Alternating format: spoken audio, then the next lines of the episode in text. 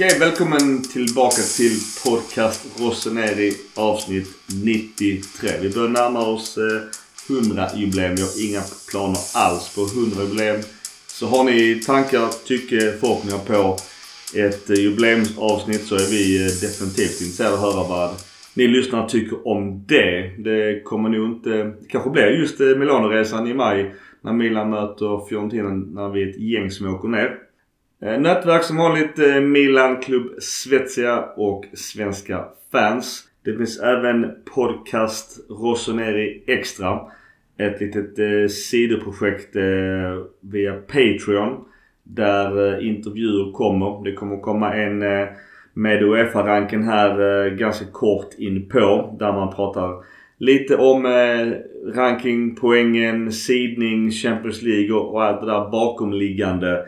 Vad som krävs för att eh, nå till de fina eh, grupperna i eh, Champions League och allt om kvalomgång och liknande. Så att eh, ni är jättevälkomna på det sidoprojektet. Men eh, nu kör vi igång med Mackan och Gurra direkt. Vi köttar ungefär 90 minuter som vanligt. Mackan, välkommen! Tack så mycket.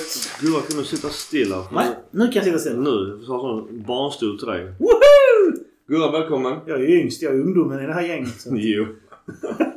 Kom inte och säg något annat. Tack så mycket. En dag, två dagar, Flera månader. månader. Månader, fair enough. Du var ju 40 långt innan mig till exempel. Ja, jag... Men inte 39. Det var inte så långt innan.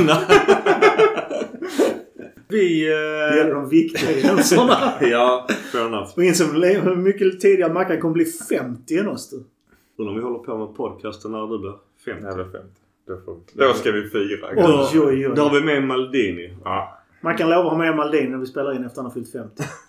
Ja, det, det känns långt bort. På tal om Aldini fick min son, eh, de, eh, han spelar i en liten klubb i Lund som heter Värpinge IF. Grymt talangfull. eh, De, han spelar ett år äldre än han själv och de är otroligt duktiga. Men de har börjat köpa in matchtröjor så de ska ha en egen tröja. Han tog nummer tre. Nummer tre. Såklart. Nice. Är inte en upphängd eh, på Pekkavallen i Lund? Borde vara det. Eller hur? vi försöker, fan vad det var till och med jag blev låg också. Men vi försöker hålla oss... Eh, Okej, då pratar vi så här allihopa. det kommer bara bli bortklippt. Ja. Det är det vi vet. Och du tycker det är så roligt att klippa bort Micke. så- Men jag vet. Men jag vet. Redigering är det roligaste. Jag klipper bort allt, klipper bort allt Gurra säger i detta avsnittet. Får jag gå hem nu då? Men du, eh, vi har tre matcher eh, sen sist. Det blev mest såklart fokus på återigen ett Milano-derby. Koppan 0-0. Men vi har ju två matcher dessförinnan och quiz har du idag Gurra. Och då får vi ju be de här tre på Svenska fans forum som irriterar sig på vår quiz att de får väl pausa en fem minuter nu eller spola vidare helt enkelt. Precis, så har de problem med det så... Uh, visst. Vi får ju rätt mycket feedback på att det är lite småkul med quiz. Så Ja. att eh, majoriteten vinner som sagt. Och om Precis. inte annat så är det ju lärorikt. Ja, och det viktiga är väl att vi har roligt. Vi har jättekul. Precis. Eh, Förutom att jag ligger under. Men vad fan, vad leder du med Mackan? 0-1 i set. Ja, ja, vi körde så. det. Nu är det har set sett, två. va? Du Ah, har sett snyggt. två. Okej. Och det är bästa sju. Ja. Mm. Jag vann min squashmatch idag så jag är Jag tror det var en fotbollspodd och ingen konstig pingispodd. Det är, slut, Sett. det är Sju slutspel. set. Har, Okej. du, har du sett i fotboll någon gång? Okej, inte, inte set. Uh, bästa först i sju matcher. Mackan vann eh, första matchen i Koppan. Mm. Kopparfinalen. Okej, eh, nog om skitsnack. Vi kör igång din eh, quiz då. Det gör vi. Och eh, det är som vanligt sex stycken frågor varav den sjätte frågan är en liten specialare igen. Så att eftersom Micke är the loser så får han eh, välja vem ska börja. Jag börjar eh, alltid annars så att den gången ger jag bort den till dig Mackan. Tack så mycket. Dagens quiz handlar om Andrei Mykolajovic Shevchenko. Ja. Jag sa till Micke innan att vinner han inte denna ska han skämmas. Jag har ju en tavla med Shevchenko i min hallen som jag fick av en gammal kompis som... Eh, jag tyvärr inte är kompis med längre tyvärr. Men eh, tavlan är helt fin. Pärltavla. Mackan. Shevchenko föddes den 29 september 1976. Men i vilket land föddes han? Sovjetunionen. Helt rätt. Erkänn Micke, du hade gissat på Ukraina. ja det hade jag. Då leder Mackan 1-0. Ja, spännande. Micke. Han har bytt klubbar fyra gånger i sin karriär. Vilka byten gjorde han? Från vilken till vilken? Kiev till Milan. Mm. Milan till Chelsea. Chelsea till Milan. Och sen tillbaks till Kiev. Helt rätt.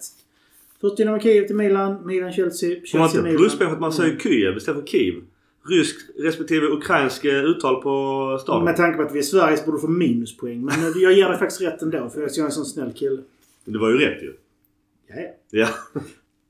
Mackan, när han var nio och ett halvt år flyttade hans familj från Dvirkivistja, där de bott, och flyttade till Kiev. Varför flyttade de?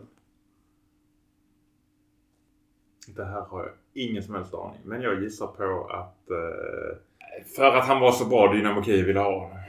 Det var fel. Micke.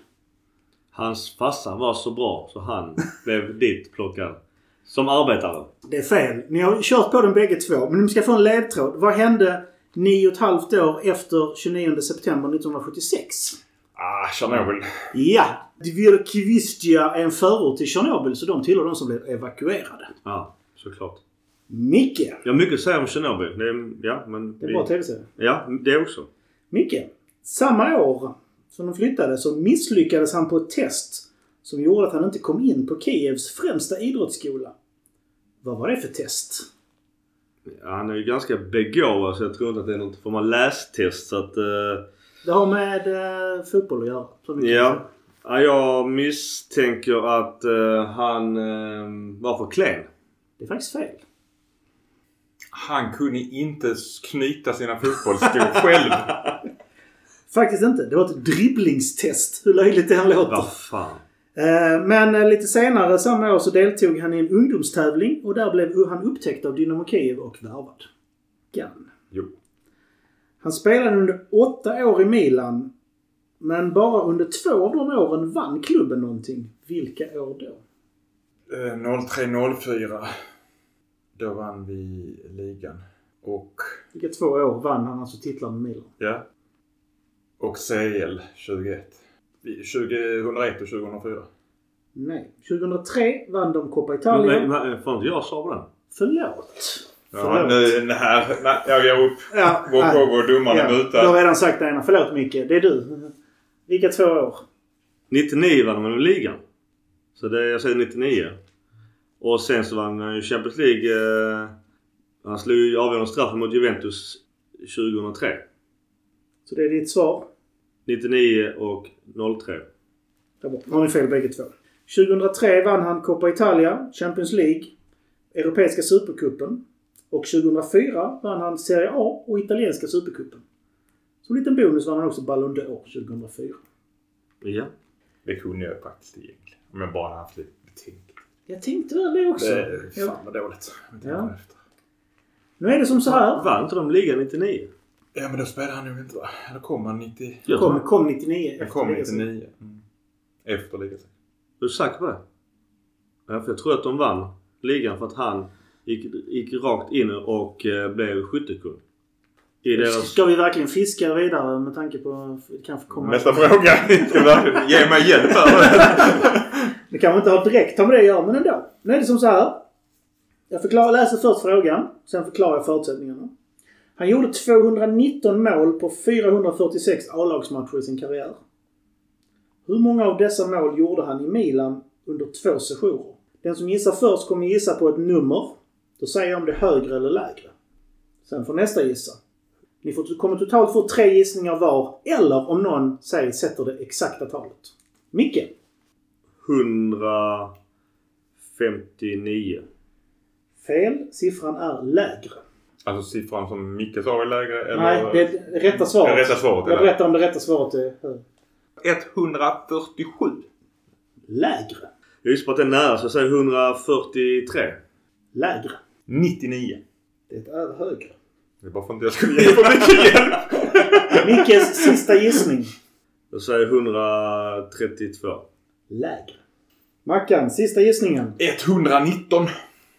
Rätt svar är 127. Så Mackan är 8 ifrån och Micke är 5 ifrån. Poäng till Micke. Snyggt! Ren tur. Fy fan vad vi var dåliga på det. Shit vad vi var dåliga. Eh, hans målskytt är först Dynamo Kiev 94 till 99. Då gjorde han, spelade han 117 matcher och gjorde 60 mål. Sen 99 till 06 så spelade han 208 matcher i Milan och gjorde 127 mål. Första säsongen eh, 99-00 vann han skytteligan på 24 mål. Sen 06 till 09 spelade han 48 matcher i Chelsea och gjorde 9 mål. Sen 2009 blev han utlånad till Milan, spelade 18 matcher och gjorde 0 mål. Och 2009 till 2012 spelade han Dynamo Kiev, gjorde 55 matcher och 23 mål. Mm. Så nu leder Micke med Wow. 2-1. Jag tror skulle vara som buggefråga. Vilket nummer valde han att ha på tröjan när han kom tillbaka till Milan? Vilket var det då? 76. Men eh, vi vänder blad.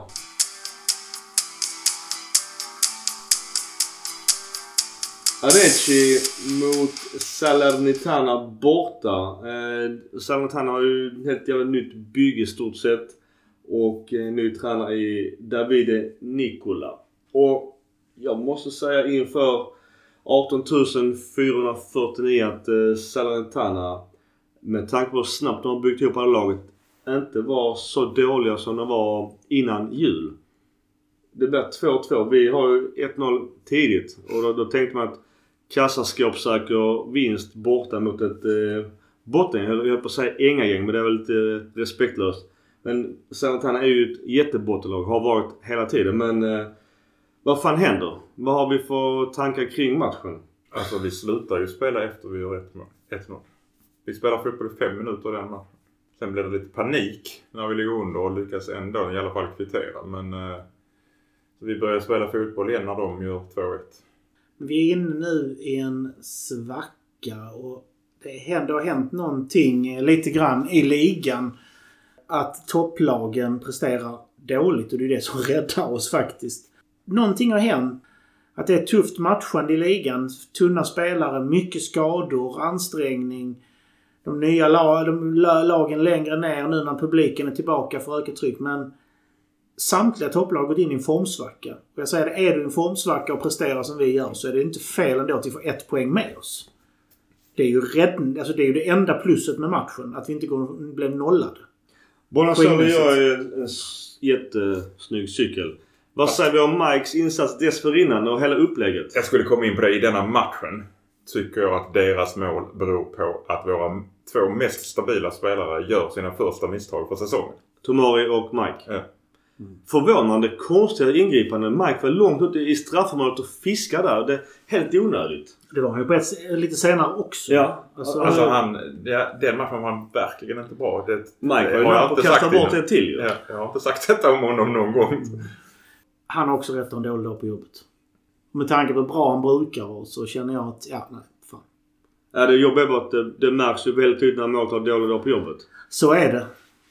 Men jag håller med. Alltså, han har varit så jävla bra innan. Därför blev man förvånad och nästan lite övertro på sig själv. Att han är långt ute och fiskade. Ja, det var ju henne även i derbyt mot Inter till- dessförinnan. Han behöver inte vara så långt ute och köra liksom Neuer-varianten. Här har vi väl Hernandez som gör en heroisk insats och försöker nicka bort det men det är för hårt. Ja. Så han nickar in i eget mål. Ja. Mm. Och Romagnoli gör ju en eh, frilägesräddning också. När, jag vet inte om det står 1-1 eller 2-1 till dem då. Ja, alltså så som Romagnoli spelat de senaste matcherna så tycker jag nästan vi ska förlänga. Men det verkar ju vara kört. Lazio ligger nära. Och nu gick han ju ut skadad i, i kuppen här mot Inter också. Visst, han är inte värd de pengarna han har just nu men han skulle vara värd en, alltså, som ligga på samma nivå som de andra. Ja, Milan kan ju matcha Lazios erbjudande ganska lätt. Mm. Men sen kan jag förstå att inte han vill bli tredje, fjärde fiol. Det köper jag också. Mm.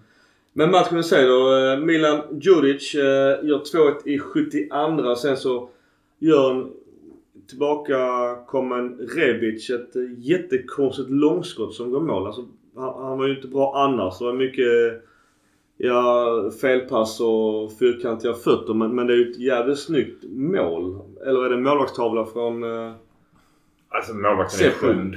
Målvakten ser inte skott. Det, det är bra att få iväg skottet där. Jag tycker generellt att Milan är väldigt dåliga på att skjuta utanför straffområdet när vi inte lyckas med det vi vill göra. igår, nu hoppar jag lite matcherna men det får jag göra för, för jag har lov. Nej men igår var det inte... Eh, igår hade vi lite svårt att, att prestera också. Du tänker på koppan då? Ja. Eh, och då eh, tycker jag att man kan efterlysa mer skott. För att har du en sån stark anfallare som Jiro som alltid är där framme så kan det ju komma returer. Mm. Och jag tycker vi är för dåliga på att utnyttja det. Eh, I matcher där vi inte redan leder. Jag tror Giroud används helt för lite.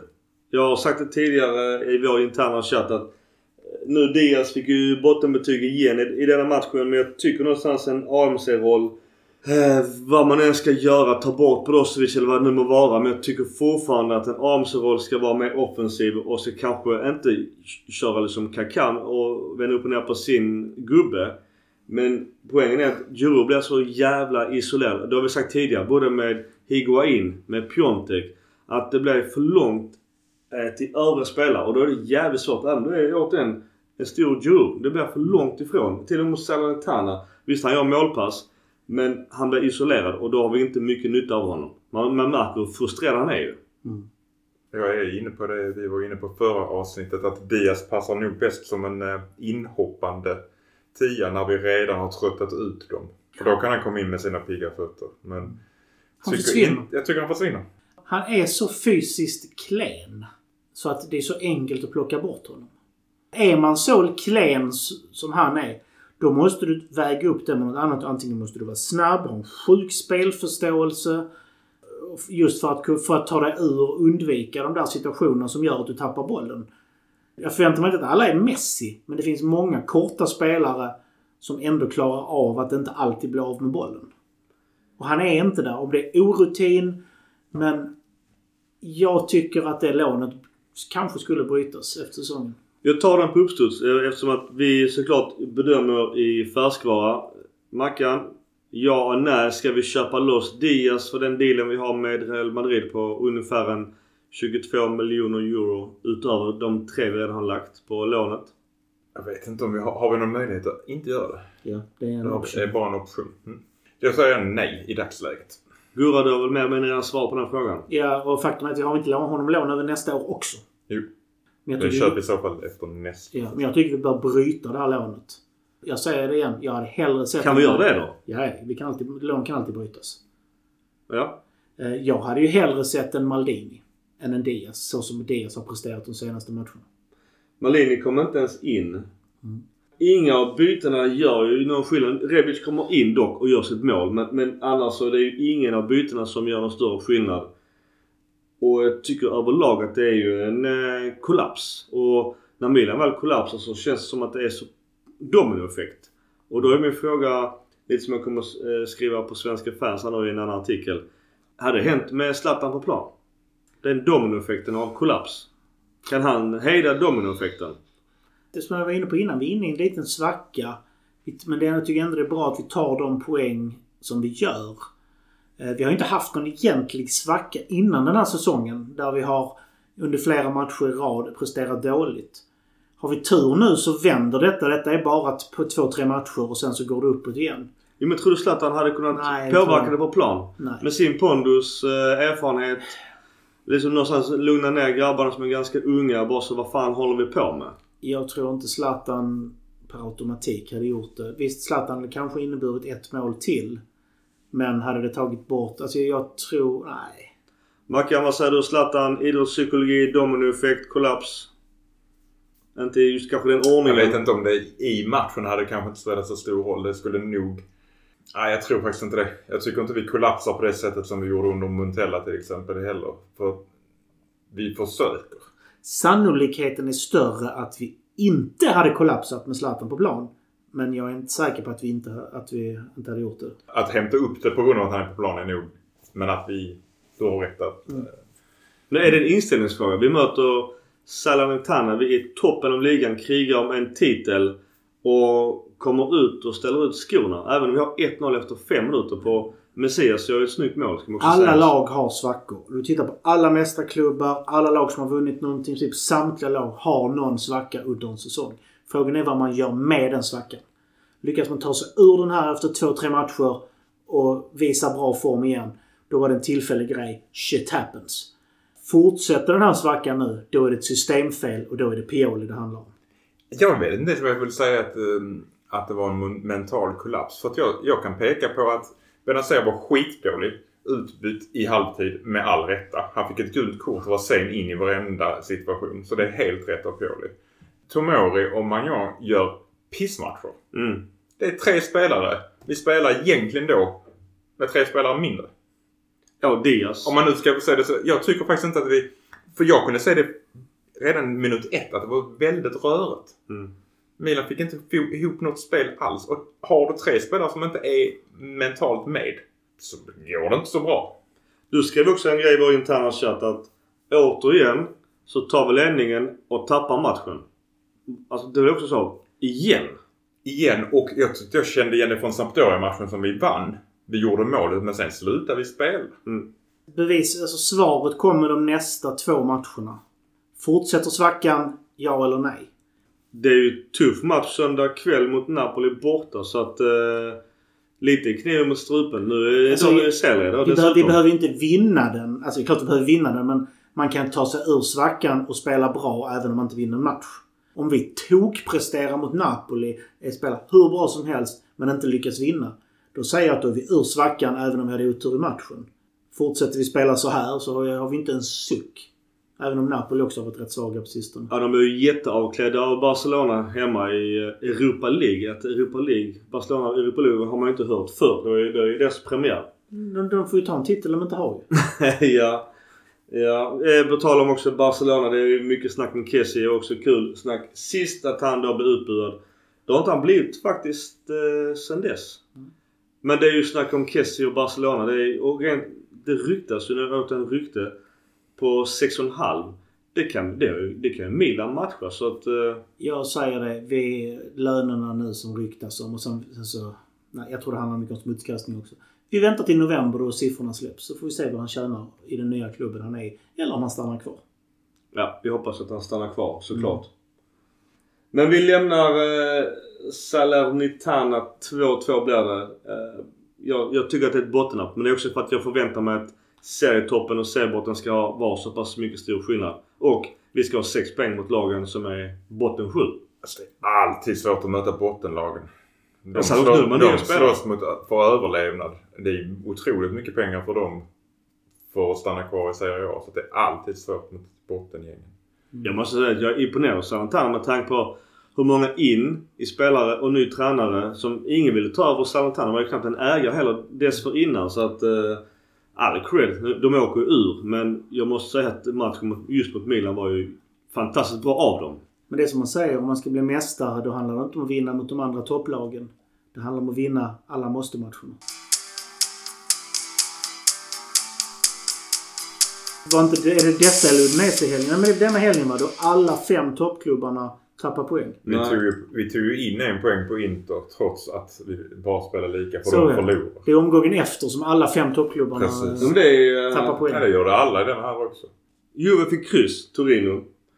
Roma 2-2 Ver- mot eh, Verona. Vi 2-2 mot Salernitana borta. Fiorentina slår Atalanta hemma med 1-0. Inter Sassuolo 0-2. Återigen Bernardi nya poäng som ryktas till Milan igen. Åh, det hade varit så guld. Det var fantastiskt. Alltså det, han har ju bäst betyg i Serie A. Fast frågan är, värvar vi en ny Suso då? För han är inte direkt känd för sin passningsfot. Nej, nej, det är risken. Det är ju risken. Udinese Lazio 1-1 och Cagliari Napoli 1-1. Jag tror aldrig varit med om att alla topp 7-lagen inte vinner i Serie A. Ja. Tänk att sätta den eh, Europatipskupongen. ja men fy fan. Alltså bettinglagen måste ju jubla. Fy fan vad mycket man har cashat in. Så att eh, det var en liten kul passus på, på omgången när alla menar på att, att fotbollen är så förutsägbar. Men eh, inte alls i den omgången. Då är vi hemma på San Siro. Fredagsmatch. Jävligt pissig tid. Hatar inte Milan spelar söndagar. Det känns som Milan har väldigt svårt att vinna icke söndagsmatcher. Förmodligen ingen som helst eh, statistik på det, men det känns så. Tonali mm, är bäst i vårt lag. Eh, Leao gjort supermål. Överlag är detta en sjukt tråkig match. Den här matchen var ett enigma. Jag tyckte inte vi var dåliga. Men vi klarade inte av att vinna. Mackan, vad säger du? Udinese hemma 1-1. Vi kan ta lite- straffen eller vi kan ta, vi kan ta Hansen senare när vi tar Den matchen först. Eh, Det var en ganska tråkig match. Jag håller med. Jag tycker att vi har ju inte den här dippen i, i, alltså i, i ett par spelare som inte gör jobbet. Som vi hade i förra matchen. Än en gång att Diaz inte gör sitt jobb. Jag tycker laget spelar bra. Jag vet inte vad du säger Micke men... eh, Uddlöst och jag eh, håller också med kritiken efter matchen. Eh, bland annat det Maldini säger att- matchen håller på i 95 minuter. Men har eh, effektiv tid på knappt 45. Och då börjar man undra bara, vad fan har hänt? Hur kan man spela en match i 95 minuter varav knappt hälften då är effektiv tid? Då börjar man undra vad, som, vad har hänt? Ska vi vara vana trogen klaga lite på domaren? Ja, det måste, det måste vi göra ju. Marchetti, en eh, debutant. Och Malin är också ute efter matchen och menar på att det är stor press att döma Milan på San Siro som debutmatch. Det säger jag. Varför sätter då domarförbundet dessa nya domare i en sån här match? Återigen på San Siro. Alltså det här har ju inte hänt. Maldini har inte gått ut och kritiserat en domare efter en match. Någonsin. Sen, här, sen han, möjligtvis när han var spelare, det jag, det ska jag inte uttala mig inget jag minns. Men inget jag minns heller. Jag tror inte det handlar om att Milan inte tar alla poängen. Utan det jag tror att de verkligen, verkligen tycker att han gjorde en så dålig insats att de var tvungna att reagera. Jag, jag får inte känslan att vi blev förfördelade av det liksom. Eller att, att vi, ta- det är inte därför vi inte vinner matchen. Alltså man kan, det är lätt att hitta de här, en situation här och där. Men vi borde funnit den här av egen kraft ändå. Men det sa Micke och jag. Under matchen och direkt efter matchen. Man kan klaga på domaren och Milans spel. Ja. Ja, ja. Det är inte, alltså de Nej, tar nej, inte ut varandra. Domaren kan menar- vara skitdålig och Milan borde ha vunnit ändå. ja. Men i detta fallet. Jag tycker faktiskt det är sjukt svårt att se på bilderna som vi har sett på TV. Mm, om det är hans eller inte. Så jag tycker, jag vill inte uttala mig att det är hans. Men Maldini, Pioli och alla andra är 100% säkra på det. Hela, Och de skulle aldrig gått ut med dem inte om de... Jag, jag kan lova att Maldini aldrig skulle sagt en sån grej om han inte är 100. Och jag kan lova att om varummet hade gjort bedömningen att det verkligen var hans. Så hade de sagt det till domaren också. De som sitter med alla kamerarepriserna. Eh, Det tycker ju inte Maldini. Nej, men det... Men, Men jag oa, menar, men, han- men, men oavsett, det är inte, jag säger det är inte på grund av domaren som vi inte vinner matchen. Det är på grund av att vi inte levererar när vi borde leverera. Jag, jag tycker deras mål är definitivt eh, hans. Alltså det, bollen går ju förbi Romagnolis ben. Eh, eh Och Romagnoli gör också en dålig insats där. Och det är så jävla flyt. De, de cyklar i bortre delen av straffområdet och kommer perfekt in dit där. De är inte beredda på mark, står på hälarna på mållinjen. Romagnoli som sagt är inte med på det och uh, Udogi, om man uttalar det. Han... Dag. Så bollen, eh, alltså han, han, han firar inte ens själv. Och visst att, att alla Milan reagerar och, och skriker på domaren på hans direkt. Det tar inte sig någonting fine. Men att han inte spelar själv firar, tittar mot linjemannen direkt. Uh, jag tycker det säger väldigt mycket nu. Nu som någonstans, det är inget bevis på att han är skyldig eller tagit med handen. Men det finns ju, jag har visst gjort en stillbilder som visar på att bollen är förbi Romagnolis ben. Och han har ju sin hand eh, utan, utanför sin höft. Och sen så, så är det en styrning. Återigen, Malini skulle aldrig smutsa ner sitt eget namn och rykte att gå ut efter match. Att man är frustrerad att man återigen inte vinner mot ett lag man bör ha 6 poäng mot. Men han skulle inte säga det. Inte Pioli heller. Inte Romagnoli. Alltså de är jättekritiska efter matchen. Och även i Milans egna eh, YouTube-kanal även efteråt är ju extremt kritiska till domaren. Det går inte att se 100% vad man än säger. Eh, visa mig den rörliga bilden som, där man 100% kan göra den bedömningen så kanske jag kan ändra mig. Men jag tycker att den är, ett, en piss-situation, pissvinkel. Var eller ej. Jag tror utan VAR så hade vi definitivt inte ens varit, haft varit för fundering på att den skulle tas. Då hade man sagt att nej men domaren i skymmen kan inte se den. Saker och ting missas och det, det är tyvärr hemskt. Men återigen, även om det är en miss där så skulle vi vunnit den här av egen kraft. Men det får vara Milan. Detta, ja, men detta är slarv. Jo men Milan väljer ju någonstans att nu räcker det. Det har varit för mycket domslut som har varit tveksamma. Man kan skylla på det ena och det andra, vinkla hit dit. Men det finns ändå folk i varummet som har stillbilder, rörliga bilder, kameravinklar. De har alla förutsättningar för att hitta rätt eller fel. Och Malinen själv säger att tanken med VAR var att det skulle bli rätt och rättvist. Jag vet inte om jag tycker det längre. Jag, jag har alltid varit en för, alltså pro VAR. Men denna och förra säsongen har ju VAR straffat Milan extremt hårt. Jag förstår verkligen inte hur de gör sina bedömningar och någonstans har jag alltid sagt det att då får de ta fram bilden som visar istället på här är beviset på att det inte var handen. Det har inte heller kommit ut. Inga bilder, inga rörliga, inga stillbilder visar på att det inte tar hans hand istället. Och det är bara så. Vad bedömer ni? ni Så du menar att man ska bevisa att det inte hände? Ja. Det, det väl De, de väljer ju att godkänna målet. Det så. Bevisa att det inte tog på handen då. Du ska ju snarare bevisa att den tog på handen för att döma bort målet. Ja, men jag, det- varför, varför det? Varför, Jo, men- varför, men- varför kan man inte vända på det? För det, det döms ju mål. Jo, men det är just det. Offensivt spel ska premieras, alltså döms målet. Sen måste du kunna bevisa att det var en hands innan för att döma bort det. Du har inte negativ bevisning, Jo du men har eftersom positiv att det bevisning. finns en, en VAR-bedömning och det blir godkänt. Men bara så, vilka bilder har ni tagit på? Det är det jag menar på, det har vi sagt tidigare, att det måste komma ut, kommuniceras. Det är det jag är inne på. Visa bilderna ni har i varummet. Jag tycker det är för dåligt att man inte gör det för det kan inte ta lång tid att klippa in det.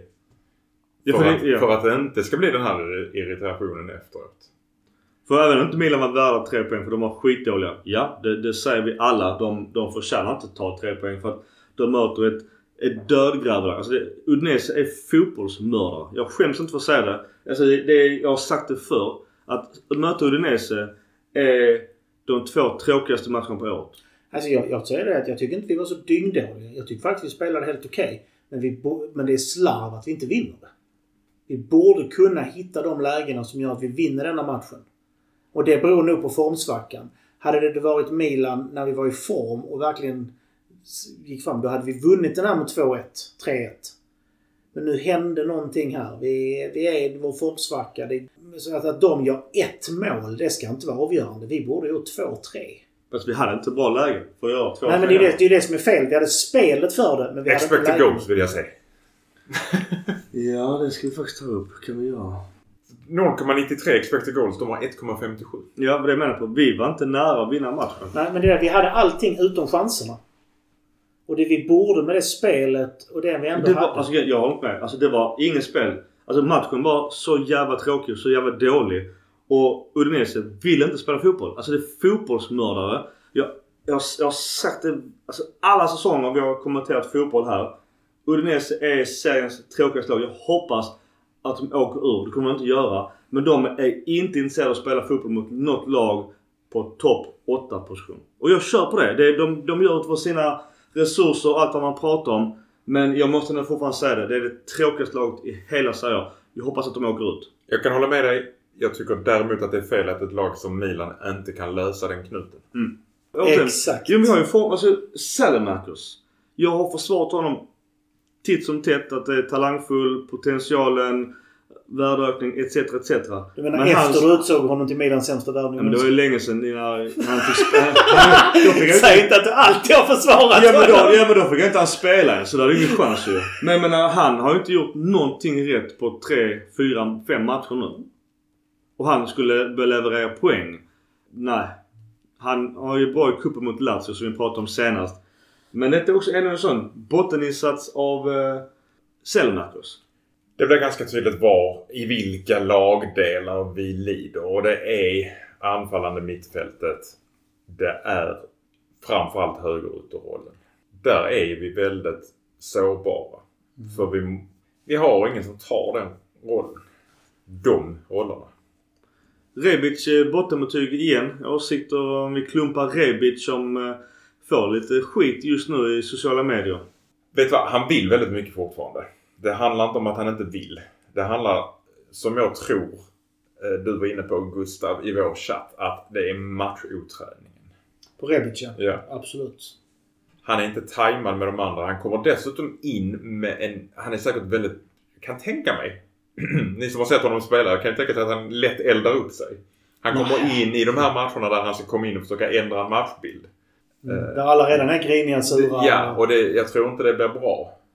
Om han ska spela en småful match då ska han vara med från början. Ja. Man hoppas att han inte drar på sig två varningar. Precis, jag tror... Eller snacka med domaren. Han byter ut uh, Djuro mot Rebic. eh, och Djurov var ju också återigen isolerad som vi pratade om i förra matchen. Men är det rätt att byta ut Djurov? Eller ska man prova någon gång ha någon, två anfallare eftersom att Udinese inte försöker spela fotboll? Jag hade behållit Giroud på plan. För han behöver en halv, en halv chans för att göra ett mål. Så det är jäkligt svårt också för där behöver du, även där, där har du en kille som Leao som också kan behöva en halv chans för att Mm. göra det själv. Så Mm. det, är en, det är en svår avvägning. Jag förstår varför. Vi fick faktiskt en fråga här på, eh, under inlägget där jag la upp att vi spelar in.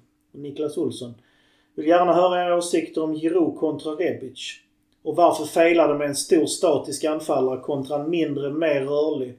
Hur det såg ut i början av säsongen. Det jag menar alltså är att varför misslyckas vi med en stor statisk anfallare istället för... Jo men jag tror att han är inne på Giroud. också där som jag säger att, att Djurov blev väldigt isolerad. Ja. Det är min, så, så kan jag tolka det. Och Rebic eh, är ju mycket mer löpslags. Han är mycket mer med i spelet. Kan gå ner och möta på ett helt annat sätt. Så det är väldigt olika anfall. Och det är väl lite också det som just Pioli ville nog i Udinese-matchen. Att byta den taktiken. Att Rebic blir mer flytande. Håller med. Men det är ju faktiskt den rollen jag tycker en anfallande mittfältare ska. Ja. Och där är Diaz för dålig. Där är det så dåligt. Ja. Igen. För Diaz ska ju ta emot bollen och antingen själv kunna gå och göra någonting, som Schüllit gjorde. Eller slå den här i- stickaren till någon av yttrarna som går in eller anfallaren som hittar en yta. Det är ju AMCns roll. Om man inte möter Inter och har en total spelförstörare som bara ska sabba. Och det är fel. På tal om nu Schüllit eh, och tidigare Kessie som alltid är våra lyssnarfrågor. Men jag vet inte vilken Milan-legend som sa det. Men som sa just det här med Kessie att, att han är ju såklart ersättningsbar. Han är ju inte Frank Rijkaard direkt. Och det är ganska, alltså det är ganska hårda ord men också väldigt talande för att han är ju jätteduktig, han är bra. Men att Kessie är bra. Återigen, det är ju definitivt inte en Frank Rijkaard vi tappar. Nej, precis. Och de, de yngre publiken som inte vet hur bra han var.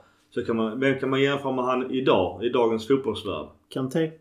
Ja, fast mer fysisk. Jo men Större. Kanté är fysisk. Jo men sin- menar jag även i luftrummet. Ja. Och, Nej men eh, någon, någon som dominerar. Äger en planhalva. ja. Jag skulle säga en Stefan Effenberg men det, det, han, är ju ganska gammal också så att... Han är ännu Dagen, jag tänkte prata om dagens publik här nu. Ja. Nej, men om man jämför Giroud och Rebic. Rebic är en kille som behöver ha en yta att gå in. Han är ingen renodlad striker. Giroud är en straffområdesspelare. En som hugger, en som utnyttjar halvlägen och gör, gör någonting av det. Rebic ska komma med fart. Rebic ska ha ytor. Där är den stora skillnaden. Och vi har ju faktiskt vår stora statiska anfallare, om vi nu hårdrar det, i Zlatan. Eh, som ändå rör sig mycket. Man kan väl säga det annars Udinese. Summa summarum. Någon du vill lyfta, någon du vill sänka? Ja, jag håller med där. Mm, Who scored? Säger att Tonali var ma- man of the match. Jag håller med. Han har varit väldigt bra. Mm. Väldigt hög lägstanivå i, i denna säsongen. Jag eh, skäms inte. Jag försvarar Kessie. Jag tycker att han ska spela. Jag tycker när han spelar på rätt position. Och det gjorde han mot Är han fortfarande bland de bästa spelarna i Serie A på den positionen? jag jag säger det igen. Spela in Benazer där. Och jag, och jag förstår, förstår inte motståndet. Och är Benazer för, för svårt så spela in Maldini där. Diaz bevisar att han inte klarar av det. Kanske gå in i slutet av matcher, vända en matchbild och göra någonting av det.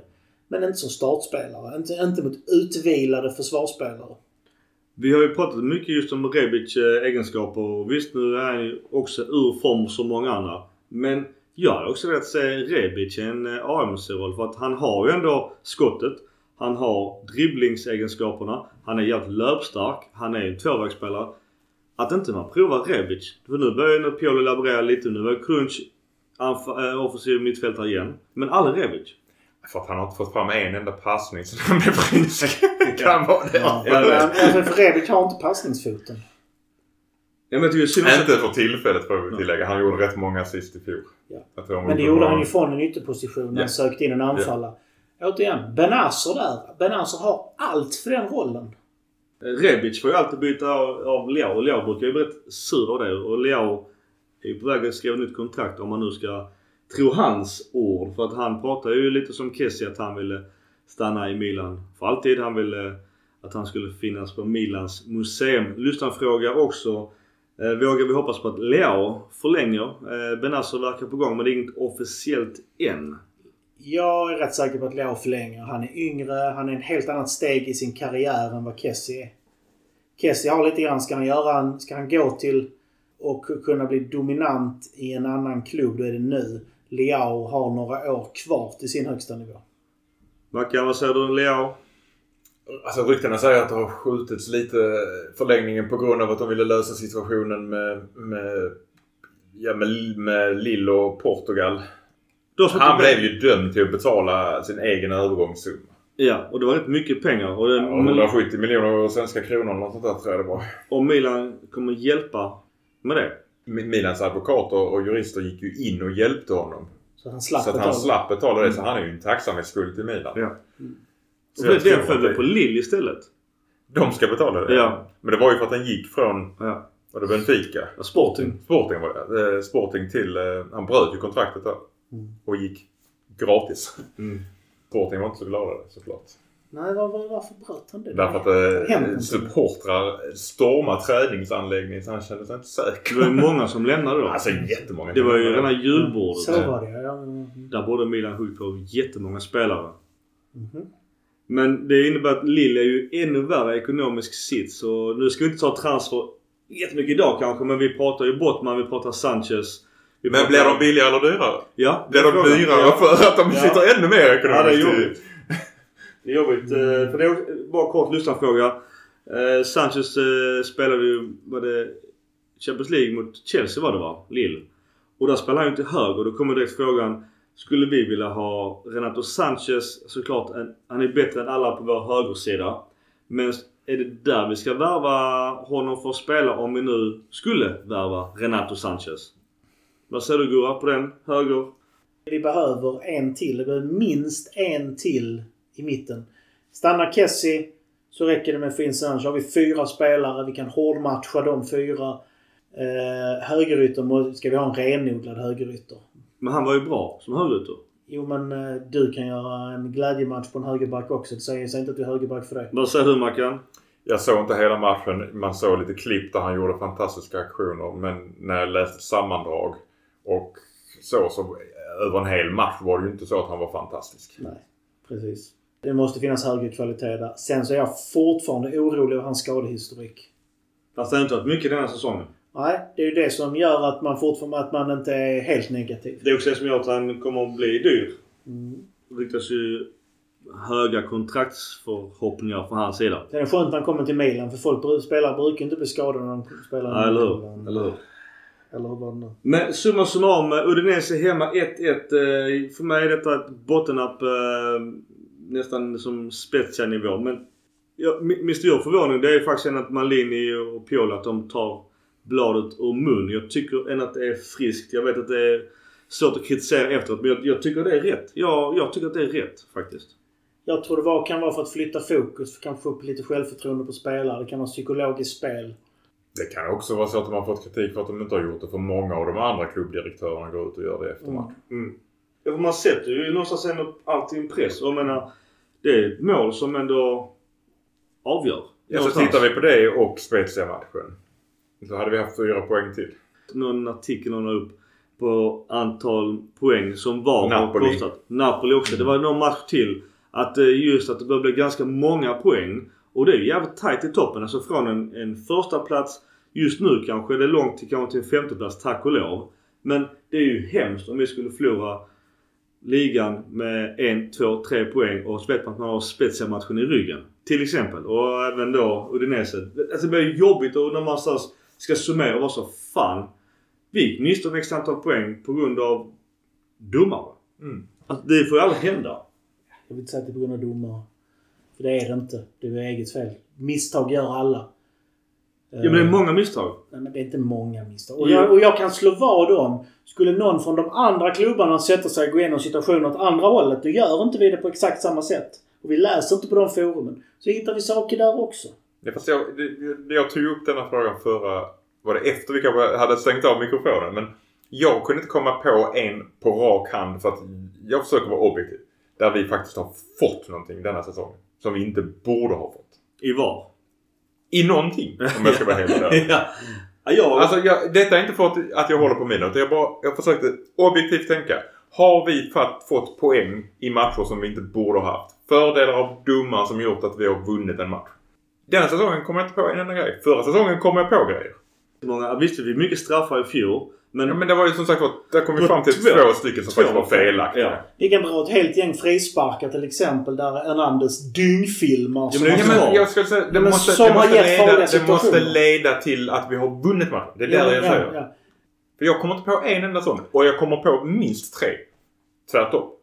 Som gjort att vi har tappat det. Jag säger sånt jämnar ut sig. Det är bara att inse. Ja, jag köper inte att det jämnar ut sig. Återigen, jag tycker det är rätt att Maldini, att han kritiserar. För det måste man få göra. Alltså återigen, vi pratar, vi kritiserar spelare som är dåliga. Du måste också få kritisera domare Ja, som ja. är dåliga. För att en domare är dålig, då, då vet ju förmodligen han om det. Alltså det är en grej Spezia-domaren framåt tyckte jag var bra återigen. Han har bra match och nu, nu klumpar vi bakåt. Men han gör ett helt avgörande misstag som kostar Milan kanske en, kanske tre poäng. Fan vet jag. Det är bara spekulera men 2-1 till Milan där i 85 på San Siro mot Spezia hemma. Jag tror inte Spezia hade orkat göra två mål efter det. Då blev det bara så. Det är helt avgörande misstag. Visst, han, jag vet inte om han blev avstängd eller inte. Men det är fortfarande avgörande situationer. Där alla 50-50 dueller går mot oss. Ja. Men innan du säger det med Spezia. Ett, att blåsa är inte fel. Man borde kanske släppt fördel. Han gör inget misstag. Han missar en fördel. Det är sånt som händer. Shit happens. Den kan vi inte älta. Det är en av de minsta missarna egentligen, även om det här ledde till att vi gjorde mål. Jag vet att ni gillar att eh, älta när det blir, när det blir misstag, när det blir situationer emot. Jag väljer att koppla bort det. Domarinsatsen, det är svårt som attan. Man kan inte tro att det är en bädd på rosor att döma en sån här match. Det är piss. Alla spelarna gör vad som helst för att fuska sig till fördelar. Uh, utöver det har du media som ger dig på för minsta lilla. Du har tränare, alla som kan kasta överallt. De gör ett skitbra jobb efter de förutsättningarna. Tänk er den arbetssituationen. Herregud. Jag tycker inte gör Men- men- men- Jag tycker inte det. Men det är klart man ska få lov om de gör uppenbarliga felaktiga grejer.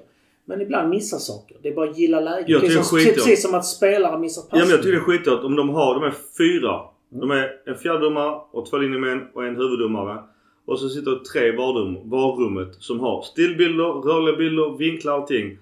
Att man inte kan ta ett beslut som är rätt på det. Då, då är det dåligt. Däremot kan jag hålla med. Nej, men alltså, det- det- det är dåligt. Men, men vänta. Det, men- kanske, men- det kanske behövs mer... Är inte det dåligt? Men- Om du har, de har de förutsättningarna. De har de här förutsättningarna. Det är dåligt. Det är inte så att de behöver ta beslut heller på fem sekunder. utan Visst att Atletico är borta, eller hemma. Två minuter. Alltså. Du har de förutsättningarna. Du har allt.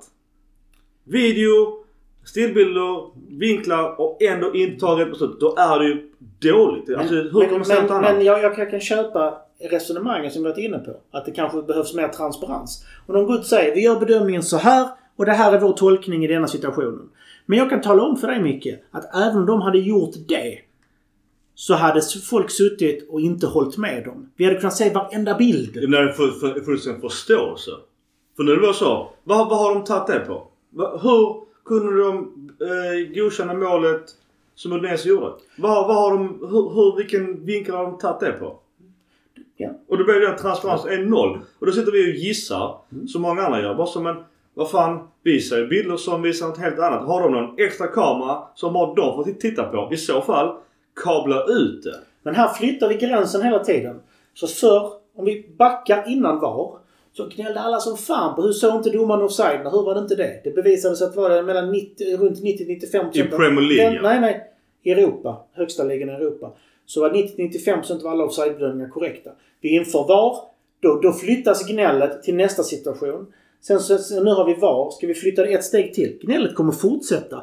För folk är enögda. Folk vill inte vara objektiva när det handlar om det laget som de brinner för och har känslor involverade. Det spelar ingen roll vilken transparens. Jag vill ha en transparens, absolut. För det ger mig ännu mer förståelse. Men gnället kommer vi aldrig bort så länge det är känslor investerade. Jag håller inte med. Jag kan absolut eh, ta ett VAR-beslut som är såklart att ja, men man såg att han eh, inte tog den på handen. Inga problem. Jag har inga problem med att det blir rätt och rättvist. Det är därför jag var för VAR innan. Men nu, man, som jag sagt tidigare, man börjar börja leta. Man undrar bara så, vad har ni tagit detta beslutet på? Och då undrar jag bara så, men kan man använda VAR till någonstans bli konspiratorisk och bara så kan man, kan man styra resultat och matchbilder på grund av VAR istället. För att eftersom att det inte kablas ut bedömningsbilderna. Du, du kan ju hur, göra hur du vill om du vill. Men som den här Hansen, där har vi troligtvis så att de har inte kunnat göra en hundraprocentig bedömning att det var hans. Och då kan de inte ta beslut heller. Ska de kabla ut att nej, vi har inte sett någonting. Det har de gjort i och med att de godkände målet. Så du har egentligen fått din bedömning. För att hade de sett att det var hans så hade de tagit det. Ja, jag, jag ser ju en hand så att jag tycker att de gör fel. Det, det är min åsikt. Har du något mer att säga om Udinese, Mackan? Nej. Nej. Och Gurra något mer om Udinese? Nej, vi skulle klaga på, du skulle klaga vidare på domaren nästa match. Så. Definitivt. Att, men, jag är fan... Gustav, här måste du hålla med Ja, när ja. vi kommer till. Varför Men- skit ska fan Ja. skit ha Men jag, jag är fascinerad och det är det jag mest vill säga. Att ni orkar lägga så mycket energi på, på att gå tillbaks och jaga domslut Men när det är avgörande, det är Det är avgörande. inte avgörande. Det är klart att det är avgörande. Alltså, det, alltså avgörande situationer påverkar ju matchbilden och resultatet. Jag, jag måste hålla med. Jag kan hålla med Gustav att när du investerar känslor som jag definitivt gör i Milan. Det är klart att jag blir mer kritisk mot misstag som domaren gör. Än om jag skulle sitta och titta på en match där, där domaren gör misstag och jag inte har några känslor för laget. Jag kan tänka att ja men domaren också med. Jag håller med dig där. Men, i, men på något sätt så betyder ju fortfarande misstaget lika mycket för laget oavsett om jag har känslor i, i, i det eller inte. Ja, men jag menar, kritiken kommer fortsätta. Hur mycket transparent, hur mycket tydlighet, hur mycket de än bevisar rätt. Så kommer vi ha samma känslostormar för att någon tycker annorlunda. Jag vet, men det blir lite så här. Jag tror varför ska vi ha, alltså det blir lite, man kan dr- hårdra det väldigt långt. Varför ska vi ha regler om de inte ska följas? Nej, jag är Alltså- helt med. Alltså, om man nu vill ja, ja, ja. och Jag, bara, jag, bara, ja, ja. jag vill ha transparensen, jag vill se det. Men jag säger gnället kommer aldrig sluta. Det är nästan bättre att inte ha VAR om du inte ska förklara varför. För då kan du faktiskt bara säga, domaren säger, jag såg inte hans. Du, På vi, bilderna vi, efteråt ser jag den. Jag kan säga Vi tar, VAR, är inte, för, alltså det är inte från domarna som VAR blev infört som jag sa innan. För att procenten rätt domslut förr var väldigt hög. Utan det är på grund av alla journalister och klubbledningar som har gnällt på domarna som VAR kom till. Och nu har man bara flyttat gnällgränsen. Och det är det som är grejen. Jag tror aldrig gnället kommer sluta så länge folk har känslor i Det är klart att det Är är, rätt eller fel? givetvis där är, ju- det, finns, det finns helt andra anledningar att gnälla också. Alltså, Ja, ja. Det, det finns ju hur många som helst anledningar till att gnälla. Så att det, jag men vi, med ja, ja. men vi, vi, vi flyttar diskussionen helt. Vi flyttar vidare till nästa match och det är Koppa mot... Då börjar vi gnälla på domaren på riktigt! Exakt.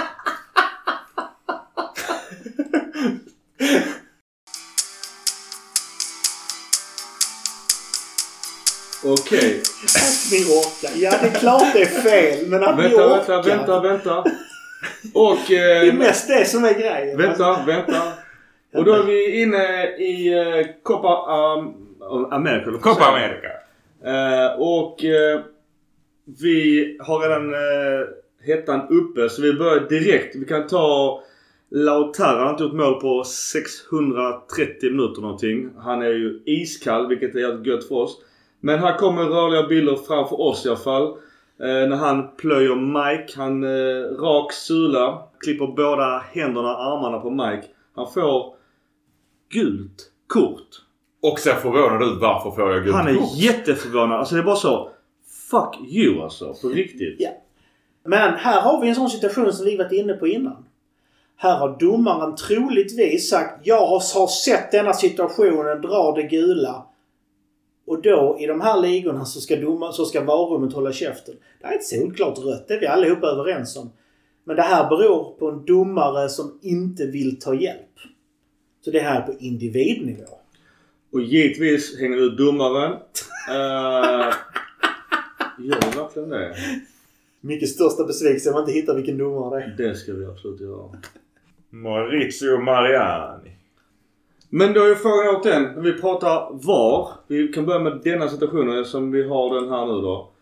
Varför eh, tar då inte domaren då att checka på TV-bilder? Sa jag inte det precis? Nej, men, men om nu de signalerar i varummet. Bara så du är Mm. ärlig dude. Där bör du fucking se. Sen är det som så, och det här, det här, det här jag förklarat hur många gånger som helst, men vi kan ta det igen. Om domaren tydligt visar, säger att jag har bedömt denna situationen, drar det gula, visar det, Då kan varummet bara säga du, du kanske behöver titta. Nej, då kan inte varummet kräva eller att han ska kolla det. Det här är på individnivå. Det här är domaren som väljer ur sin vinkel att ta detta beslutet. Han tar inte hjälp av VAR här. Oavsett vad varummet säger. Alltså har vi all rätt att klaga på domaren. Ja. Jag säger, han gör en uppenbar misstag här. Så är det. Om nu varummet säger du ärligt talat det här behöver du titta på. Det här är efterblivet och ger bara gult. Eh, Mike, det är inte den gnälliga typen. Han får som läkarvård. Lautaro skit i att han bröt handen innan eh, i höstas. Men där blev man ju själv svinnervös. För att han går in som en rak, rakt ben, dobbarna och klipper båda. Det här är sydeuropeiska domare. De har så jäkla mycket stolthet. Om de, för dem är det en sån prestigeförlust att eh, ta ett beslut och sen dra tillbaka det. Men Alltså, så du för- tror för att de hellre vill göra fel? Japp, det gör de. För nu, nu äger de matchen. Nu äger de narrativet.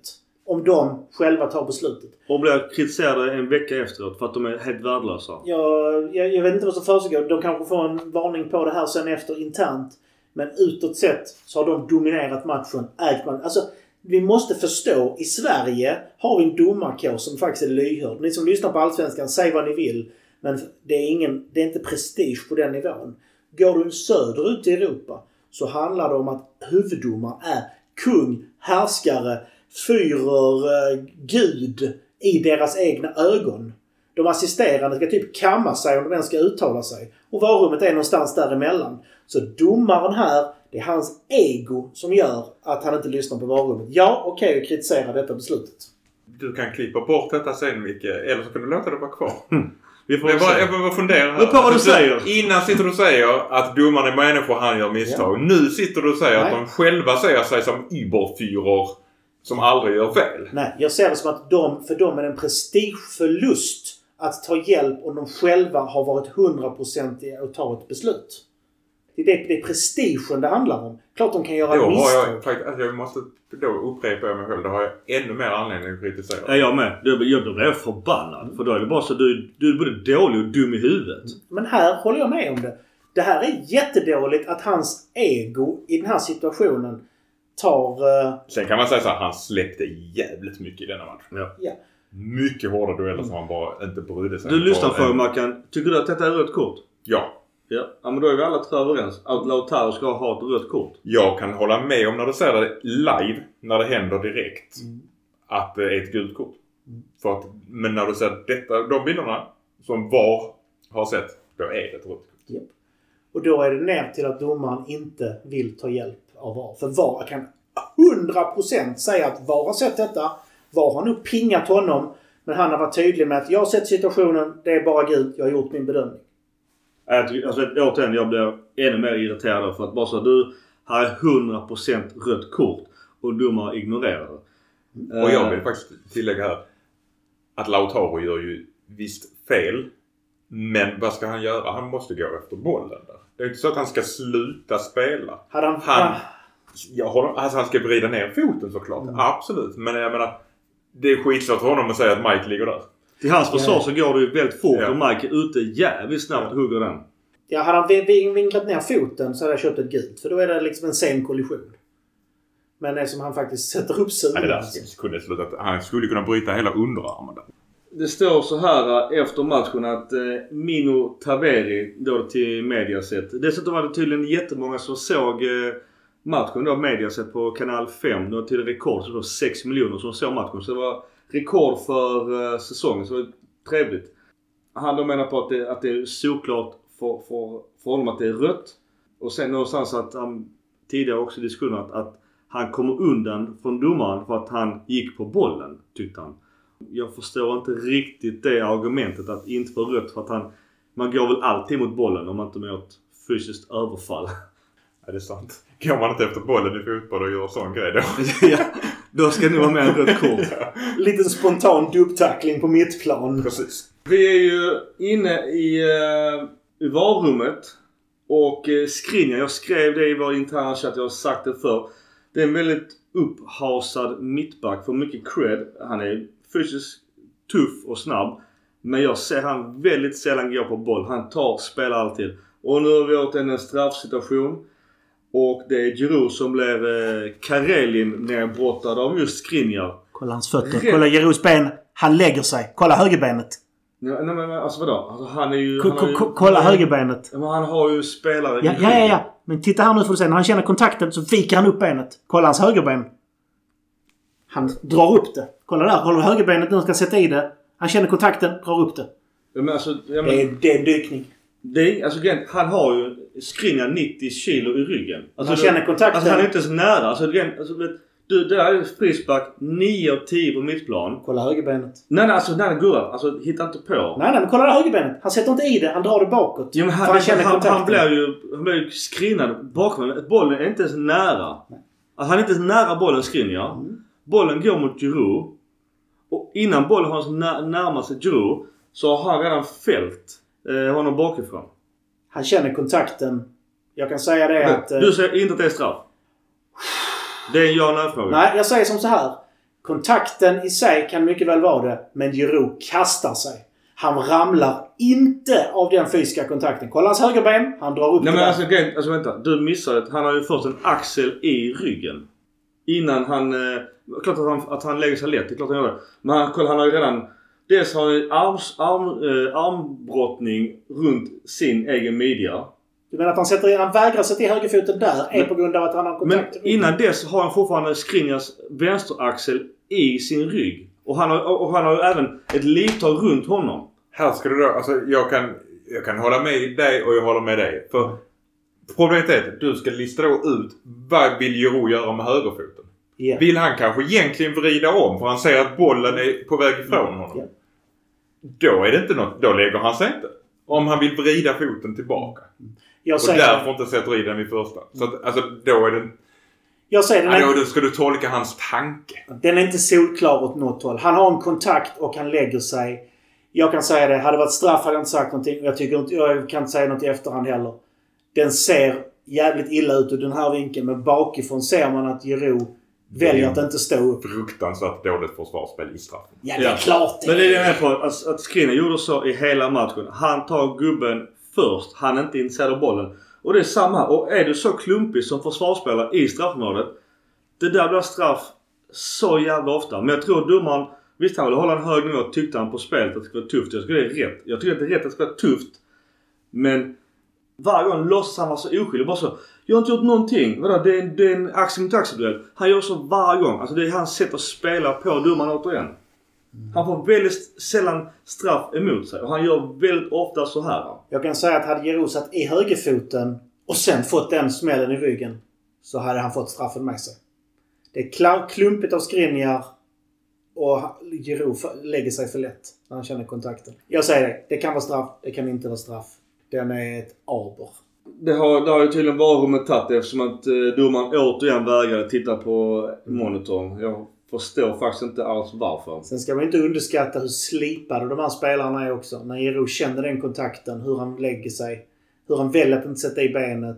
Sen var ramlar han av? Det är omöjligt att göra bedömning här för oss här.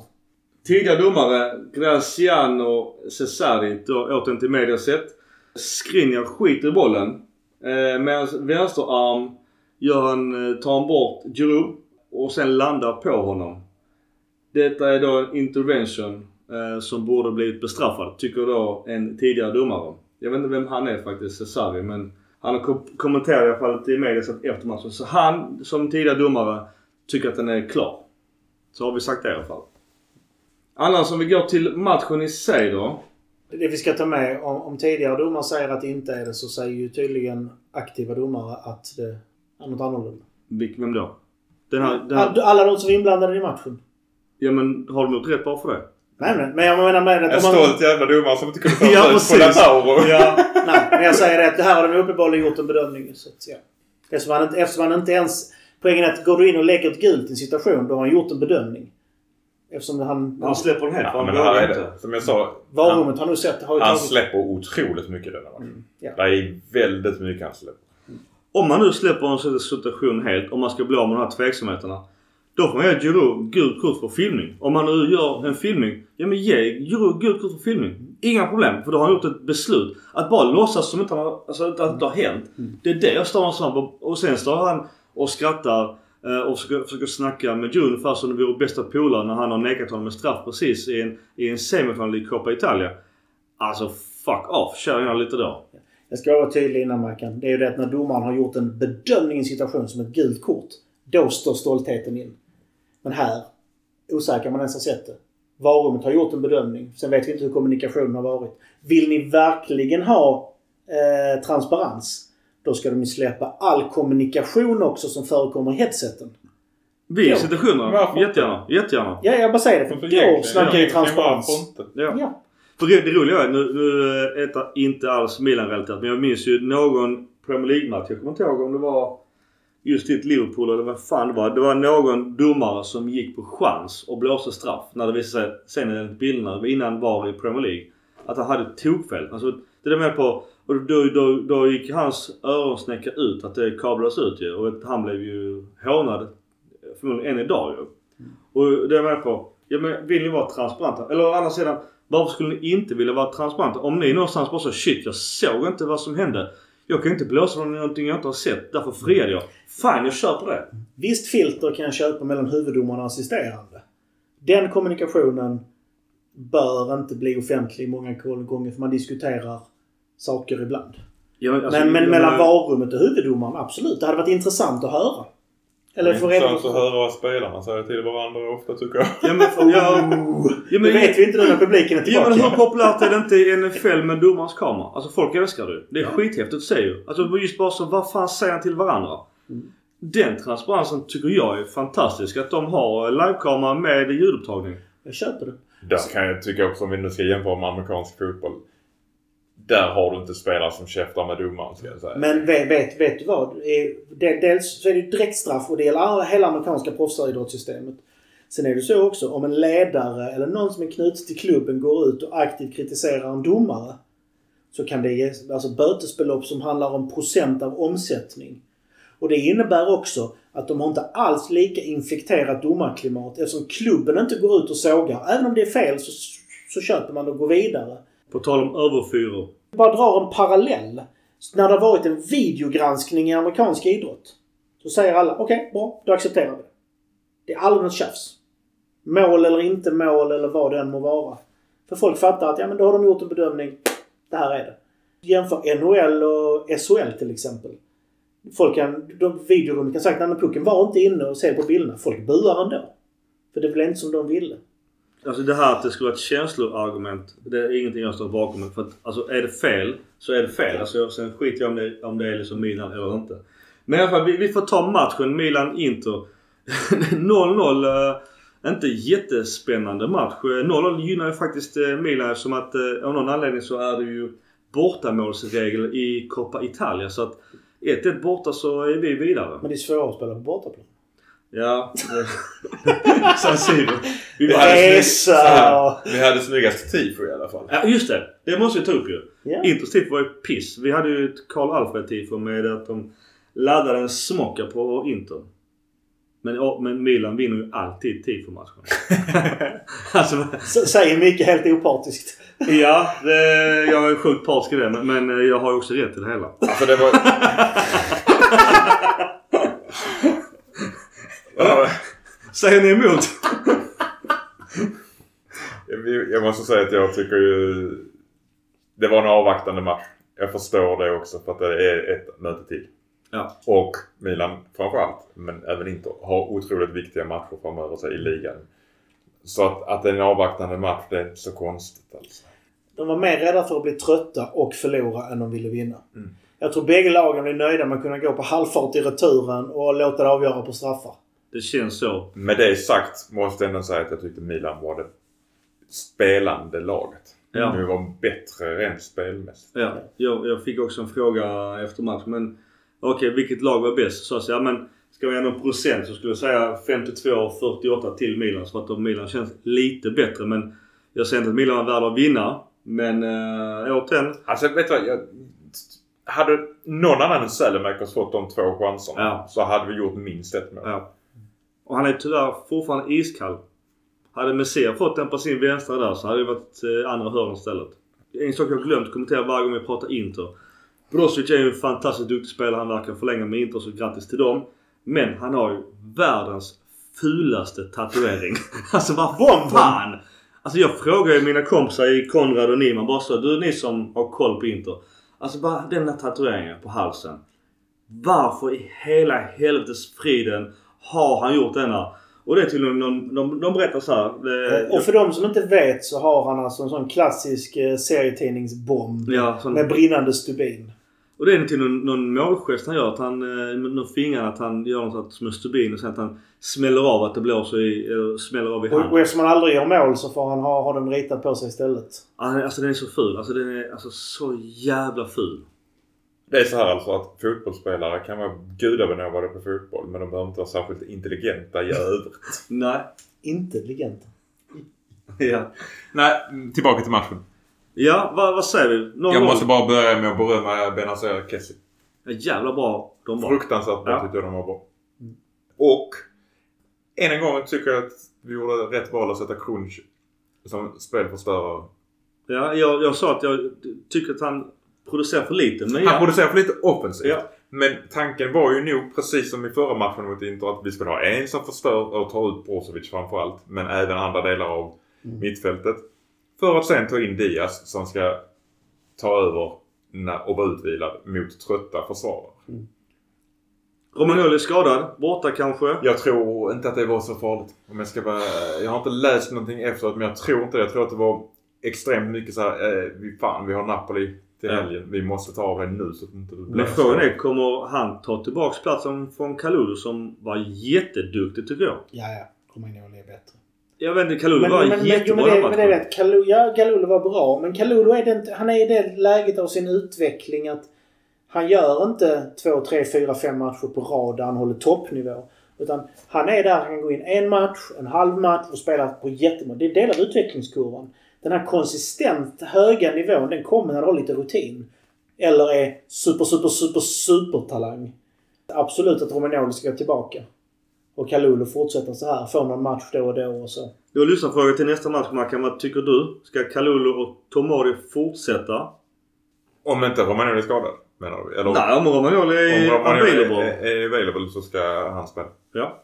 Ja, jag har rätt ut det. Jag har redan svarat. Ja, precis. Vi har tre Vad byten. tycker du då, då duckaren? Eh, ja, jag duckar den faktiskt för att jag är lite osäker. Jag tycker Romagnoli också har faktiskt spelat upp sig. Eh, Jag vet inte om det blivit någon klarhet i detta men sen är det som vanligt när Bosman spelar eh, börjar alltid prestera sitt sista halvår. Det är då de är som bäst. Så att eh, Romagnoli vill ju spela för nytt kontrakt så att han har varit helt okej. Men Så vill du vinna ligan ska vi bara skriva ettårskontrakt. För det Ja, som bäst. det var lite ångest för Malini. Men jag, ja, alltså, det, det är en tuff match. eh, Och möta Osimhen så tror jag faktiskt att Romagnoli och Tomori gör det bättre för att de är mer fysiska än Kalulu. Så att det är endast därför. Mm. Men eh, jag tycker Kalulu... Fan det är svårt att peta honom. Han gjorde verkligen inte bort sig igår. Det är inte därför. Men vi får också tänka efter. Han föll in. Lautaro är iskall. Och Dzeko tog Tomori bort helt. Så att... Nej, det gjorde de inte. Och alltså, vi har ju sett i andra matcher med Kalulu att när det börjar bli mycket speltid så han, han, han är inte 100% i alla markeringar. Han är, hittar inte rätt ytor hela tiden. Så som de här med rutin, Romagnoli, Tomori och de här gör väldigt ofta. Absolut. Och han har blivit bättre. Mycket bättre. Och man ser på honom att han inser sitt misstag. Ja. Han blir sjukt förbannad på sig själv när han har gjort ett misstag. Och det är bara det är han ju värd att få speltid för, för att lära sig. Ja. Och han ska Mm. fortsätta ha de här halva matcherna, inhoppen, eh, cupmatcher. Han borde egentligen spela U23 som vi har snackat om, eller Primavera som vi har snackat om innan. För att få matchtid, få rutinen så han snabbare kan bli den här spelaren som kan gå in varje match. Han har dessutom någon, någonting som jag tycker om. Och det är lite för likt Tomori för att spela ihop men att de har tanke på att vi ska gå framåt. Sen är, istället för att passa bakåt. sen är det nog så att man räknar nog redan nu bort Romagnoli. Kalulu tar den backup-platsen. Bottman kommer in. Då har vi ju... Eller Bremer. Eller Bremer. För Också har, lyssnarfråga. ja, för då har vi ju två stycken första. Tomori och Bremer eller Bottman. Vi har bakom dem har vi Kjär som den rutinerade och Kalulu som superlöftet. Och det är faktiskt en bra mittbacksuppsättning och konstellation. Ja, jag kritiserade Kalulu eh, just inför derbyt för det är hans fel att eh, Pedersis kunde raka in en eh, hörna från Håkan. Håkan som blev tunnad igår Diaz. Det var lite kul. Men Florenzi, eh, det är ju snack om att förlänga honom eller inte. Han blev utbytt eh, sent. Lite förbannad. Fick ju gå och be om ursäkt till Pioli för att han gjorde ett eh, uttåg som inte var jättesnyggt. Men där finns också uppgifter på honom. Dyrt kontrakt. Förlänga eller inte. Också lyssnarfråga. Jag vet inte om vi har tagit den redan eller? Vi tog den förra gången. Ja vi gjorde det va? Ja, men vi avvaktar den till det väl händer då. Ja, men återigen. Vi, inte, han, han är inte de pengarna bra. Nej. Kan vi ha för honom för lägre summa? Absolut. Det är en jätte, alltså, jättebra fotbollsspelare. Det är ingen startspelare men det är en väldigt flexibel backup. Som alltid levererar. En av få som vågar ta skott utanför straffområdet. Ja. Han har bra skott. Och bra, bra skott ja. På mål. Ja. Men vill du, alltså är kravet bara att ta skott utanför straffområdet så kan vi värva tillbaka två gamla spelare som bara sköt så det dundrade. Fast de sköt ju inte så bra. Jaha, det var ett krav det också. Jaha, jaha, ja, ja, ja, ja, ja. Stora behållningen var att Chalanoglu var inte alls bra. ja. Det var jätteskönt se. Det var väl Och blev utbytt. Nej. Jo men det är alltid kul att se. Ja.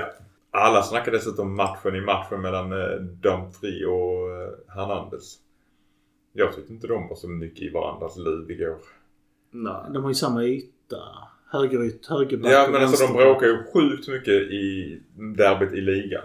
Ja, jo. Men här var de faktiskt lugna båda två. Jag tror bägge hade fått rätt stora eh, förhållningsregler att... eh, Att inte göra någonting. Ja. Vi lämnar Coppa Italia.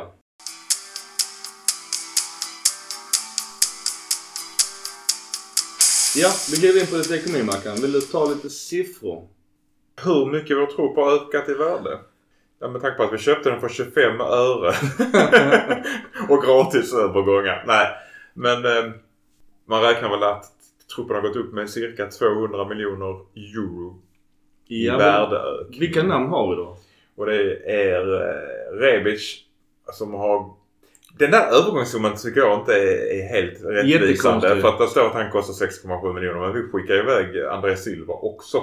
Jag vet inte vi är på lupp av Uefa just kring övergången André Silva Rebic bytet. Jo, vi Juventus fick, hade väl, ju, fick någon skit där i. Juve hade väl 150 övergångar som var under Som lupp. lupp. Och vi hade just Rebic under lupp. Så den där övergångssumman att vi köpte honom för 6,7 miljoner. Den vill jag låta vara osagd. Hade, Och det var ju inte hans värde där så det är helt snedvridet. Ja, han, han var nog värd 20 miljoner dock. Jag vill säga att Rebics värde är oförändrat. Ja, det skulle jag nog också kunna säga. Ja. så 20. Ja. Eh, Rafael Leao kan väl i alla fall säga att han har, han har ökat i värde. Eh, Från 30 till 70. Är han värd 70 idag? Ja, det är han. Med, Ja. den, med den potentialen... Skulle ett lag som City komma så hade han nog varit värd ännu mer. Nå, Ja, ja. till och med Arsenal de är ju så jävla nostalgiska. Och nu pratar vi om kanske nya Henri. De kan ju lägga 70 bara för att bara höra att det är nya Henri. Kan du lägga, vad, vad la de för eh, PP? Nicola PP? Vad vilket kostade han? 80? 90? Micke, ehm, du inser att den senaste... Sen Henri la av tror jag de har haft 10 spelare som varit den nya Jo, men nu han, han är det riktiga nya. jo, men jag menar av ren nostalgi kan ju definitivt Arsenal kan desperat lägga pengarna för att nå topp 4-placering. Eh, Det är en av de positionerna som Arsenal verkligen inte behöver. De har Emil Smith Rowe. De har Reece Nelson. De har Bakayoko Saka. De har Pepe. Yttrar är inte vad Arsenal letar efter. De letar efter en striker på topp. Och Jo, det, de, de kanske tror att han är en striker. de har, de har, de, de har, Scouter! Jag har scouter! de har scouter de också. Ja men okej Saka men de andra fyra, tre du nämnde, PP har ju gått ner i källaren. De andra, de andra bara så, vem, vem är det liksom? I jämförelse med Leao. Ja, alltså du ska inte underskatta de spelarna jag räknade upp Ja men de är ju precis. inte färdiga där, de är inte där Leao är idag. Emil Smith Rowe spelar ju regelbundet. Sen har de ju Martinelli också. Martinelli skulle jag nog kunna dra paralleller här med. Ja, skit. Arsenal är ett pisslag. Eh, vi, vi, det är deras problem. Fortsätt Mackan. Eh, Alexis Salemakers har, eh, kostar 5,3 miljoner. Men det är också ett hittepåsumma för vi betalar 8 miljoner för lånet av honom. Ja, det var Så fyra de plus där- fyra var det väl? Ja. De där summorna får Vi kan säga att det är Toto. Sport. Det är Ja. Juventus, Juve-tidning eller Torino-tidning. Ja, gått att, eh, till 20 miljoner euro. Ja, är han det i värde idag? Summan är att vår spelartrupp ökar i värde eftersom spelarna har blivit bättre och presterar. Precis. Det är Den som har procentuellt bäst värdeökning är ju faktiskt Kalulu. ja. Ja. Han har ökat 1500% i värde enligt den här listan. Från 1,2 till 1 miljoner till 15 miljoner. Och det är med all rätt. Han har en lång kontrakt. Enorm potential återigen ju. Jag tror den som är dyrast, eh, i alla fall innan eventuellt Lau skriver på. Det är ju Hernandez som har ett helt nytt kontrakt. Och eh, gör det han gör. Så att jag tror att Theo är den vi kan nu få mest pengar av. Eller från. Tonali. Ja, det är en mastered eh, genidrag ninja av Maldini. Sänka priset vid köpet och sen har han gjort en sån kurva uppåt Ja. denna säsongen. För, för någon, någon större klubb så är en sån som Tonali den som troligtvis kommer att gå för mest om vi ska sälja. För han har det som storklubbarna behöver. Ja, Jag tror mer på Leao och, så Men rätt, rätt Vänsterbackar är tittar, inte lika dyra som spel, playmaker. Men men det tittar finns vi inte så bra. historiskt. Tittar vi historiskt så har italienska spelare aldrig lyckats jättebra utomlands. Alltså det finns undantag som bekräftar regeln. Mm. Så därför blir det nog svårt att sälja dem till Premier League. Där de riktiga pengarna finns. Mm. Ja, kanske. Då får det bli PSG eller Barca. eventuellt eh, till La Liga. Som har ont om pengar. Jag vet inte, jag vet inte hur, var Barca får sina pengar från. Visst, Spotify kommer ge dem en jävla massa pengar. Men det, Det kan nog Mackan förklara om man har läst på det. Men till, till och med jag fattade när jag hörde om hur Barca löser sin ekonomi. Vill du ta den då? Jag kan inte dra det, men det, de gör inget fel. Eh, men de har det på det här på avbetalning. På, på, de drar ut på långa kontrakt. De skriver om, de planerar det. Lite grann som Milan håller på med. Har hållit på med de senaste åren. De anpassar skuldökning, eller skulderna i förhållande... mm, Ja. Mackan är ekonom, ekonomen här men... eh, Ja, vi kan väl ta ett litet snabbt, snabbt snack om Financial Fair Play. För det är rätt många klubbar i Italien som har fått ett brev i veckan. Bland annat Milan. Men även Inter.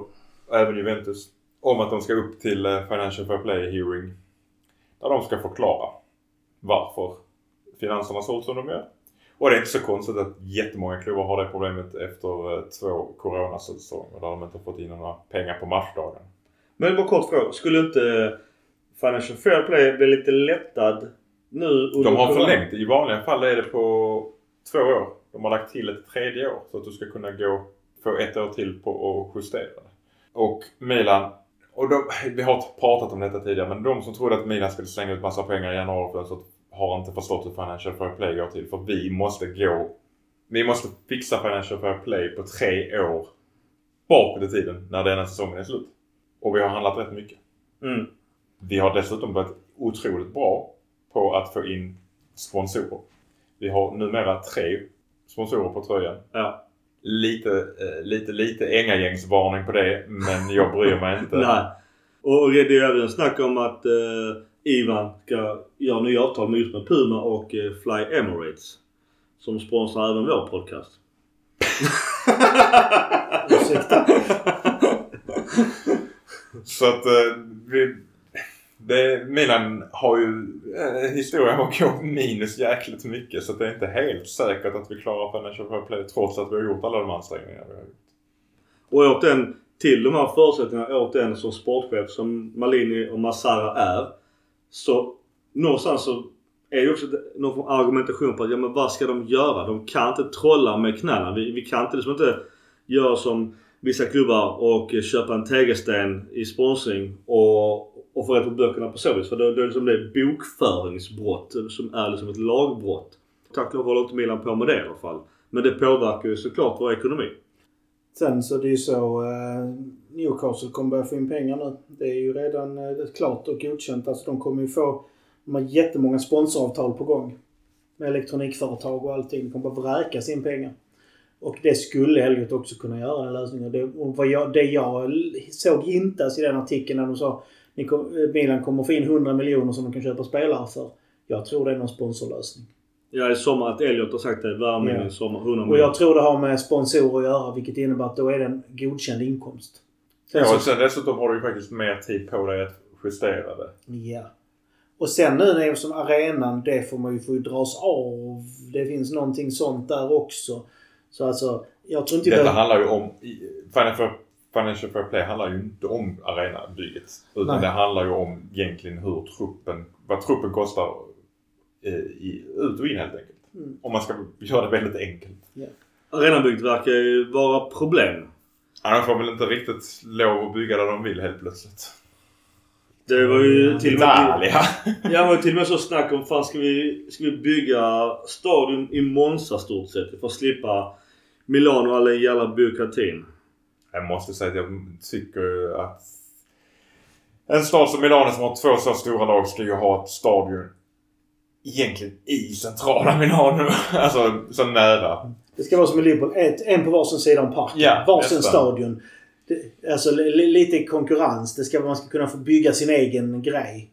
Alltså så länge det är lätt att ta sig hit med en tunnelbana, vilket det egentligen är idag. Det är bara hem som är ett jävla helvete. Varmt och skönt att promenera. Ja, i maj innan vi är där var det ju varmt och skönt att promenera. Om Det man- var det i januari också. Nej, det var det du, fan du, inte. fan vad du gnällde. Tråkig 0-match mot Napoli. Jag tyckte det var kul. gång. Men jag tänkte vi avslutar med en hit and shit.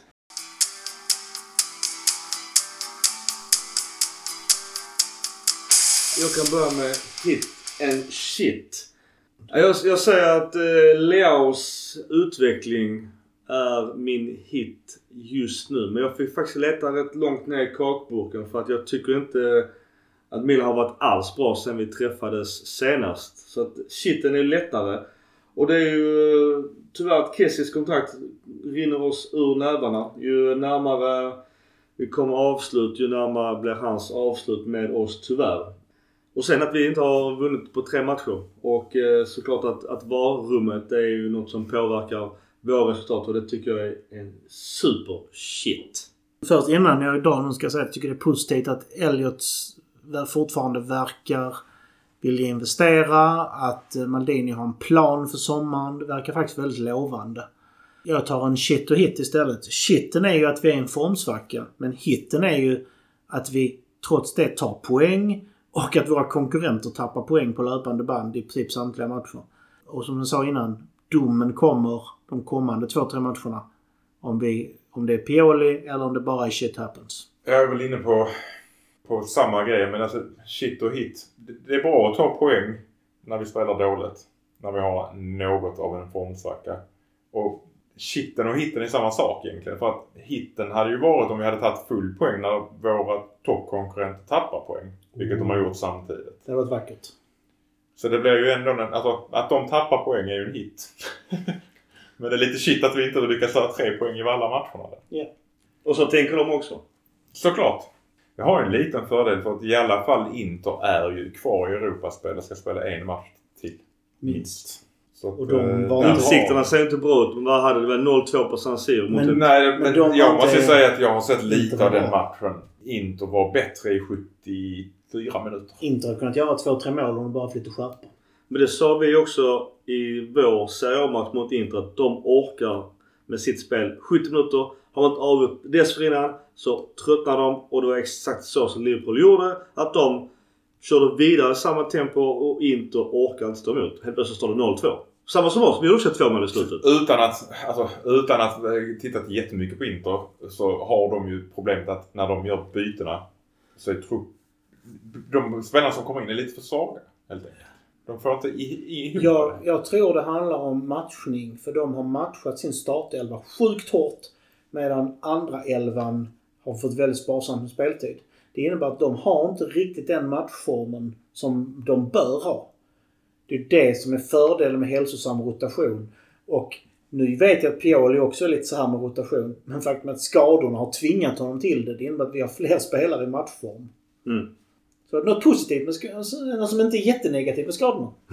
ja. Eh, Alltså en en extra shit är ju faktiskt att det blir så tydligt att vi behöver en anfallande mittfältare och en högerytter. Ja, Alltså det är, det, är, det är så uppenbart och vi har pratat om detta i så, så länge vi har haft podden. ja. Sen, sen vi hade Sosa har vi snackat om det. Ja, fram, ja, alltså, Att i, alla fall, högerytter. I alla fall högerytten har vi pratat om jättelänge. ja Sus var ju bra Vi pratade rätt mycket om vänsteryttern på den tiden också. Ja, absolut. Som var ännu sämre. Ja, fast var ju, är ju konstant genom hela podden tycker jag. I och med Att vi har man haft problem ja, på man den ser man just på Suso och eh, Hacka. Hakan. Och vad som hänt när de lämnat Milan, eller synd att de lämnade vårt dåvarande 4-3-3, så har de visat sig vara duktiga spelare. De är duktiga spelare men de passar inte i spelsystem där de förväntas... Där vi förväntar oss en striker emellan dem. Stackars Higuain. Ja, alltså han kunde gjort 25 med rätt uppbackning. Lätt. Tänk dig Leao på ena kanten där nu så, och så Tonali bakom. Mm. Istället för uh, Biglia. Fy fan. Nu fick Mackan dålig min. Det är också en eh, liten hit kanske. Att hitta Biglia. Det är alltid, alltid vara en plushit. Varken Musacho eller Biglia i truppen. Musacho har fortfarande inget kontrakt. Oj. Biglia spelar i alla fall lite okej. Eh, Alltså jag förstår att Musacho inte har ett kontrakt. Det borde, det- han borde inte ha haft kontrakt för fem år sedan heller. Nej. Det gick ju inte bra i Lazio. Nog om det. Forza Milan. Forza Milan. Forza Milan.